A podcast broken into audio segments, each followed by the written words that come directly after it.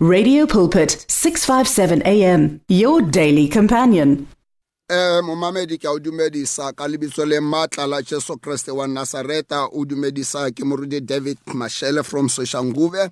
Eh re re modimo ka re le mo radio pulpit re a o dumedisa. Hape hape re a itumela o be le sebaka sa go ba le rona re re modimo wa ka o hlonlofatse sehlogo sa rona sa ka tšeno ke sa boikarabelo um mo e leng gore o tshwanetse o tsebe gore mo bophelong ga gona motho o re ka reng o mo leleeng kapa motho o re ka reng o passive. Motho o mong le o mongwe wa ikemisetsa motho o mong le o mong o amana le dilo le bophelo gore bophelo bo kgone go tswela pele ka maikemisetso le ka tsela e tshwanetseng.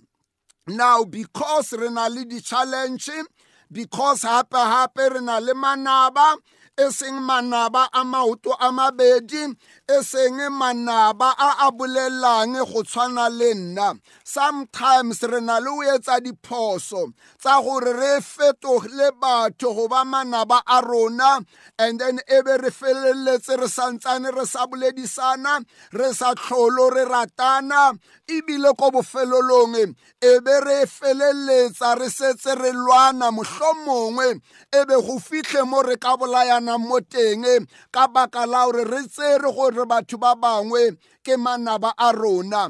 Empa ke nyaka o tsebisa mo godimo ga dintho tsotlhe ngwaneso lenaba la gago ga se motswadi wa gago um ga se neighbor ya gago ga se ngwana bogeso lenaba la rona le legolo ke satane.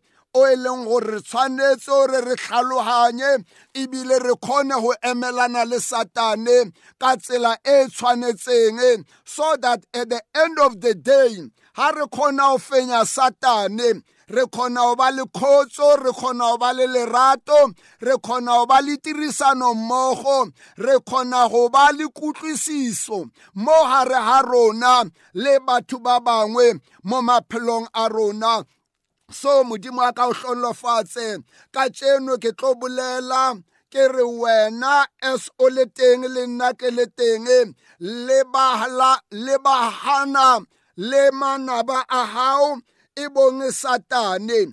A ke re ka seesimane ke re facing your giants and moving your mountains.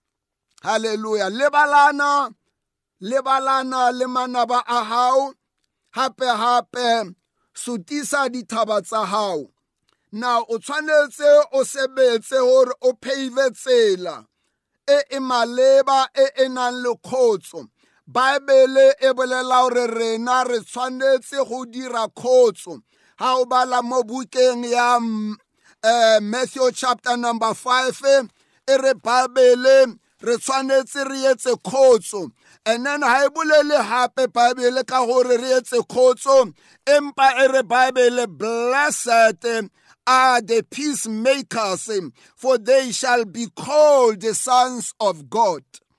Amen. Go na le dilo tse e leng gore di a o qualifya gore o ngwana wa modimo ka nnete ore mohlomongwe o no ba fela motho wa modimo. Now batho ba bangata ba re no ba botlhe re bana ba modimo. Not everybody yo e leng ngwana wa modimo.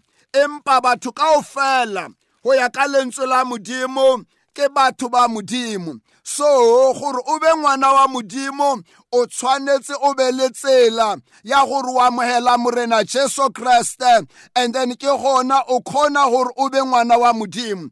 E re ko balle mo bukeng ya matthew chapter number 1 re bale verse number 21 yona e bala ka tsela ena.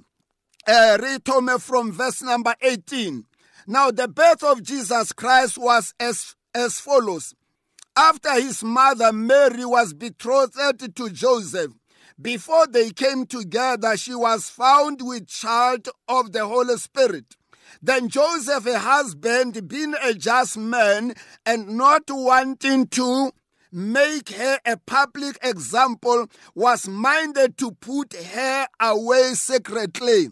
But while he thought about these things, behold, an angel of the Lord appeared to him in a dream, saying, Joseph, son of David, do not be afraid to take to you Mary, your wife, for what, for that which is conceived in her is of the Holy Spirit. Verse number 21 er, And she will bring forth a son and shall call his name Jesus, for he will save his people from their sins. Now, utlwella, suske wa boifa go tseya Mary, mosadi wa hao, hobane se a se o se imile ka moya o halalelang and then ena o tla belega ngwana o tla mmitsa leina la hae gore ke jesu kreste gobane ke yena yo a tlo tshwarelang batho ba hae dibe tsa bona. Now undermine batho not bana ba modimo. Motho o mongwe le o mongwe o belegwa o tla mo lefaseng e le motho fela wa modimo generally empa he motho a sokologa a dumela a amogela morena jesu. O fiwa dithata tsa gore bjanong ke ngwana wa modimo. Ka mantswe a mangwe now you are being qualified from motho wa modimo into ngwana wa modimo. Halleluja physically o sa le mo monameng o motho fela mara spiritually now o ngwana wa modimo. A re bale verse number 22 and 23 So all this was done that it might be fulfilled, which was spoken by the Lord through the prophet, saying, Behold, the vision shall be with child and bear a son, and they shall call his name Emmanuel, which is translated God with us. Hallelujah. morwadi ya o tla ima a belege ngwana and then o tla mmitsa emmanuele go go sho gore modimo o na le rona. Hallelujah. So Jesus is Emmanuel. Jesu Kriste ke modimo yo a nang le rona. And then ha re mo amogela Jesu, re ba le bophelo bo bo sa feleng ngwanesho ka lebaka la morena Jesu, re ba di bopua tse ntšha ka lebaka la morena Jesu, re ba le maatla a go emelana le satane le madimona le maatla a otlhe a o mobe lentswe la modimo le re re na le maatla a o hata ka dinoga le diphepeng le maatla a otlhe a sera. A re bale mo bukeng ya john chapter number 1 re bale verse number 11 12 and 13 yona e bala ka tsela ena. And he came to his own and his own did not receive him. Now his own ba hahahabo ke majuta baiseraele e re bible mo go bona and then azanye ba mo amohela then verse number 12 for Aaron, but as many as received him, to them he gave the right to become children of God, those who believe in his name. Now earlier rile o tlo tshwarela batho ba hae dibe tsa bona now mo bible re bo botlhe ba ba ileng ba mo amogela o ile a ba fa maatla a gore ke bana ba modimo. E re bible ba e leng gore ga ba ka ba belegwa go ya ka thato ya monna le mosadi empa e re bible ba ile ba belegwa ke modimo. Ha o bala mo bukeng ya john hona mo john mo verse number 13 e re who were born not of blood nor of the will of the flesh, nor of the will of men, but of God. Hallelujah. So, go na le a different, go na le phapang, go na le batho ba modimo, go na le bana ba modimo. re ba bona kaeng ba e batho ba modimo e re ba mo amogela morena jesu go sa kgathatsege ba tsena kereke. Go sa kgathatsege ba irang because ntho e bohlokwa ke go mo amogela morena jesu bjale ka morena le mopholosi wa rona. And then morena jesu kreste o re fa maatla a go emelana le maatla a otlhe a o mobe jesu kreste o re fa maatla a go emelana le satane le madimona le go emelana le merero yo yotlhe ya, ya o mobe re ke ke ra ba le maatla re se bana ba modimo. Re ke ke ra ba le maatla e le gore ga re na nyalano kapa tsebo go tsebagana le morena jesu. Ntho e bohlokwa gore re tsebagane le morena jesu. Ke kopa re ke re bale mo bukeng ya numbers chapter number 13 and then yona e re fa tsela e nngwe ya go emelana le merero yo yotlhe ya o mobe re mo bukeng Numbers 13 verse number 26 yona e bala ka tsela ena and the Lord spoke to Moses and Aaron saying how long shall I bear with this evil congregation who complained against me? I have heard the complaints which the children of Israel make against me. Now, ha batho ba bolela kgatlanong le modimo batho ba balabala batho always ba sana relationship le modimo.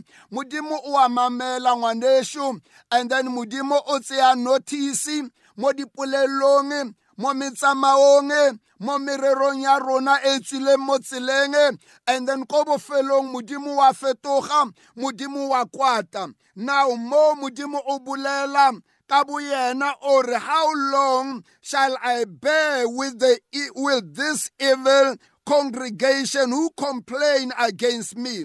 I have heard the complaints which the children of Israel make against me.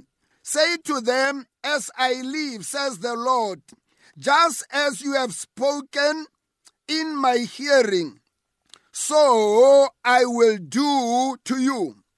Verse number 29 The carcasses of you who have complained against me shall fall in this wilderness, and all of you who were numbered according to your entire number from 20 years old and above.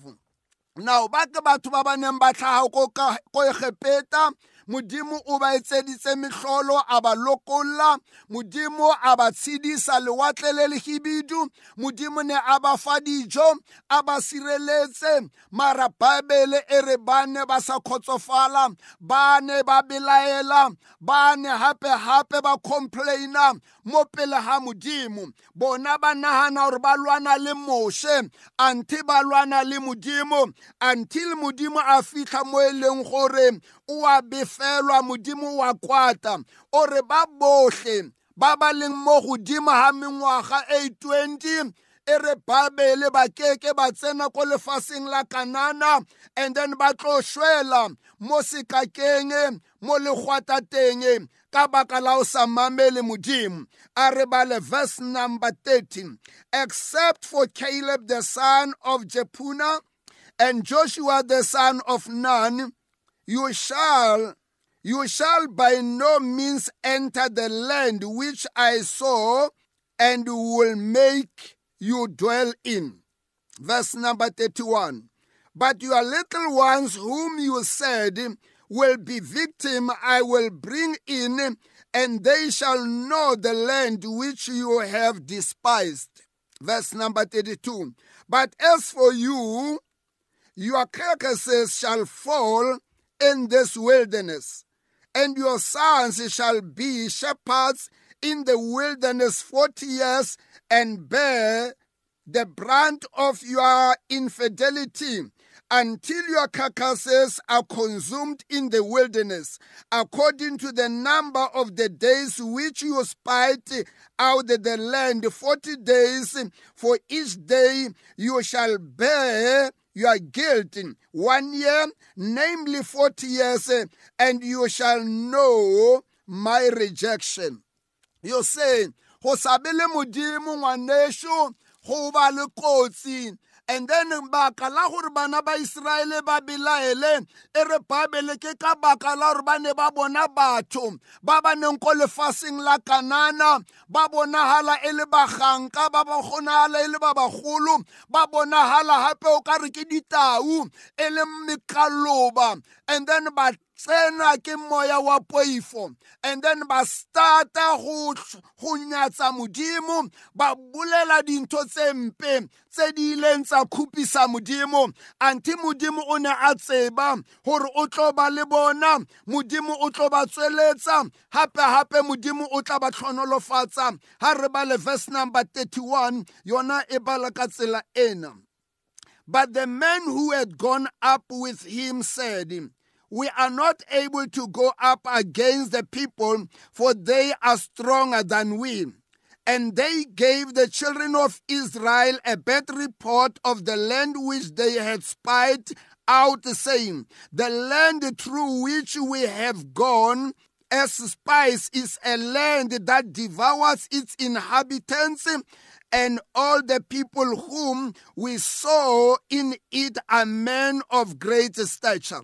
Therefore, we saw the giants, the descendants of Anak came from the giants, and we were like grasshoppers in our own sight, so we were in their sight.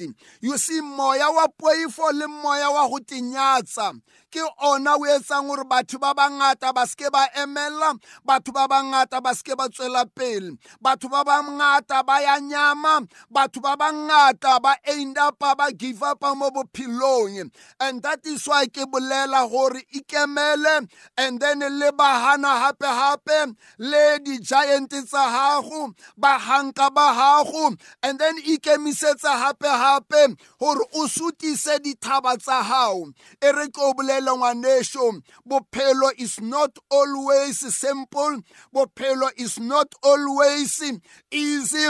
Bophelo is not always smooth. There will be challenges mo bophelong. Go tlo ba le maemo a mangwe a a ka o sireletsa. Nako e nngwe o ka ba le malwetse. Nako e nngwe o ka ba le mathata a itseng. Empa ha o tshepa modimo o tsamaya ka tumelo. Modimo a ke ka o sia modimo a ke ke a o lebala. Ha o bala mo bukeng ya matthew i mean mark chapter number 11 e re bible ha re dumela. Re tshepa modimo tso tsohle tse re di kopang tsohle tse re di rapellang re sa belaele gore ra di amohela e re bible re tlo ba le tsona. So ke re modimo a ka o hlonolofatse ke santsane ke bolela le wena contact number ya ka 067 358 1903 modimo a ka o hlonolofatse moruti david mashele from soshanguve. You can contact me ke rapele le wena and then o bone bogolo ba modimo tlhonolofatsa ka lebitso la jesu amen The words of the Lord are words of life. Your heart is on 657 AM. 657 AM. Radio for believers in action.